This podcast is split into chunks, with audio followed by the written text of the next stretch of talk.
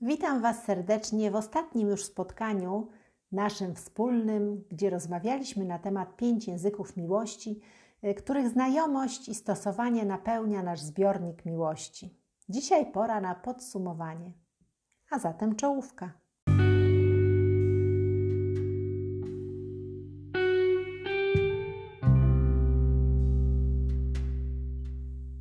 To jest podcast Pięć Języków Miłości, a to jest odcinek pod tytułem Odkrywanie długotrwałej miłości.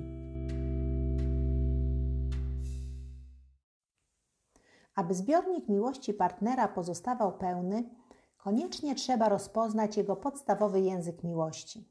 Najpierw jednak postaraj się zidentyfikować swój.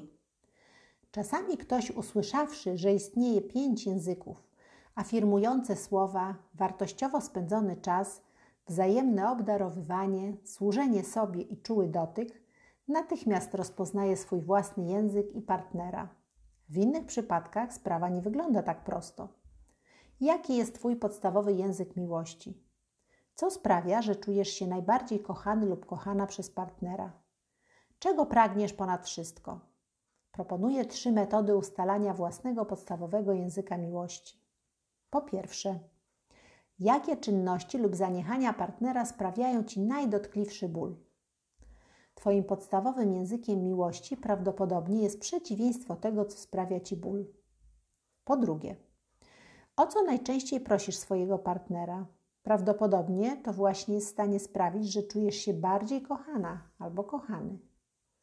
Po trzecie, w jaki sposób najczęściej wyrażasz miłość wobec partnera? Być może Twoja metoda wyrażania miłości stanowi wskazówkę, w jaki sposób Ty sam najbardziej odczuwasz miłość. Miłość jest wyborem. Jak rozmawiać językiem miłości, gdy pełno w nas ran, oburzenia i gniewu? Odpowiedź na to pytanie leży w naturze człowieka. Jesteśmy istotami dysponującymi wolnym wyborem. A to oznacza, że możemy podejmować złe decyzje, co zdarza się każdemu krytykujemy słownie i krzywdzimy swoimi postępkami. Chociaż w danej chwili takie postępowanie wydaje nam się uzasadnione, później wstydzimy się za nie. Jeśli jednak podejmowaliśmy złe decyzje w przeszłości, nie znaczy to, że będziemy dokonywać złych wyborów także jutro. Możemy powiedzieć: Przepraszam, wiem, że zrobiłem Ci krzywdę, ale to się już nie powtórzy. Chciałbym okazywać Ci miłość w Twoim języku. Chciałbym zaspokajać Twoje potrzeby. Widziałem małżeństwa na skraju rozwodu, które przetrwały, bo wybrały miłość. Miłość nie wymarze przeszłości, ale sprawi, że przyszłość będzie wyglądać inaczej. Decydując się na wyrażanie miłości w podstawowym języku naszego partnera, otworzymy emocjonalny klimat sprzyjający radzeniu sobie z dawnymi błędami i konfliktami. Każdego dnia podejmuję decyzję, że będę zaspokajał potrzebę miłości swojej żony. Jeśli mam, znam jej podstawowy język i postanawiam nim mówić, spełniam jej najgłębszą potrzebę i ona czuje się bezpieczna z moją miłością.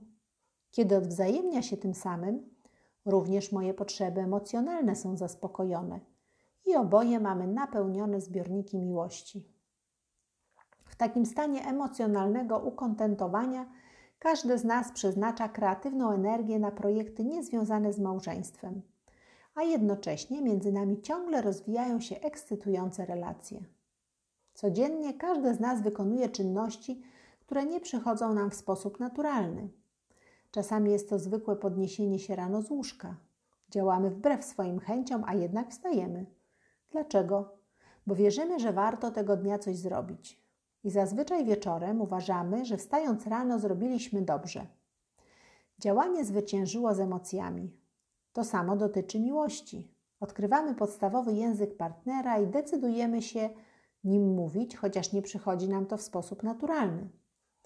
Robimy to nie dla poczucia przyjemności lub podekscytowania, lecz po prostu dla dobra partnera. Chcemy zaspokoić jego emocjonalną potrzebę i decydujemy się przemawiać zrozumiałym dla niego językiem. W ten sposób napełniamy jego zbiornik miłości oraz stwarzamy szansę, że partner odwzajemni się tym samym i zacznie mówić naszym językiem. A wtedy zacznie się napełniać nasz zbiornik. Miłość jest wyborem. Jeszcze dziś każdy z partnerów może ten proces zainicjować.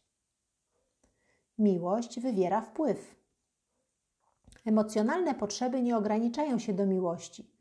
Psychologowie ustalili, że do podstawowych potrzeb człowieka należą potrzeby bezpieczeństwa, poczucia własnej wartości i znaczenia.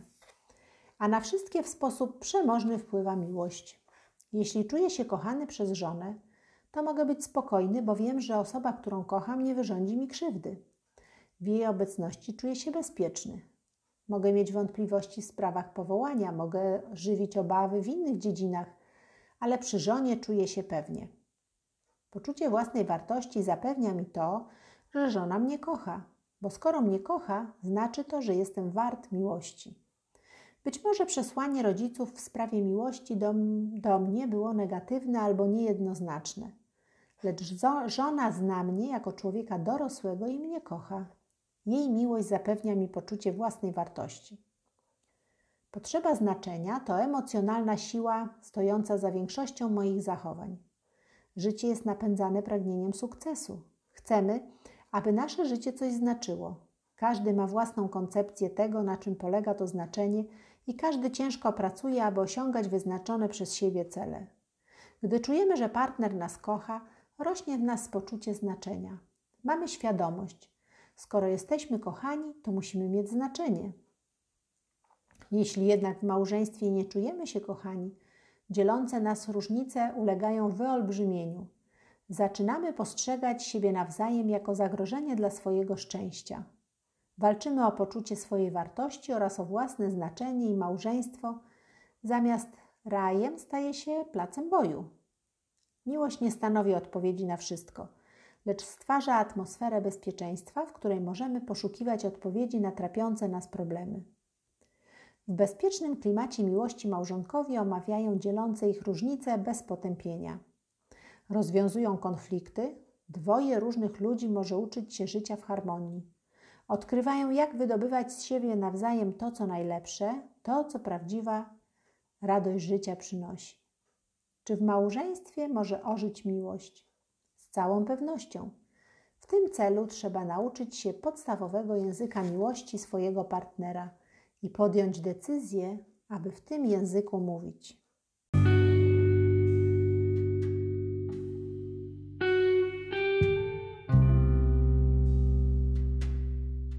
To już było nasze ostatnie spotkanie z pięcioma językami miłości. Za, zachęcam Was, żebyście nauczyli się wcielać to w życie, po to, by napełniać nasze zbiorniki miłości, żebyśmy byli szczęśliwi. Ściskam Was serdecznie, pozdrawiam i do usłyszenia w kolejnych podcastach.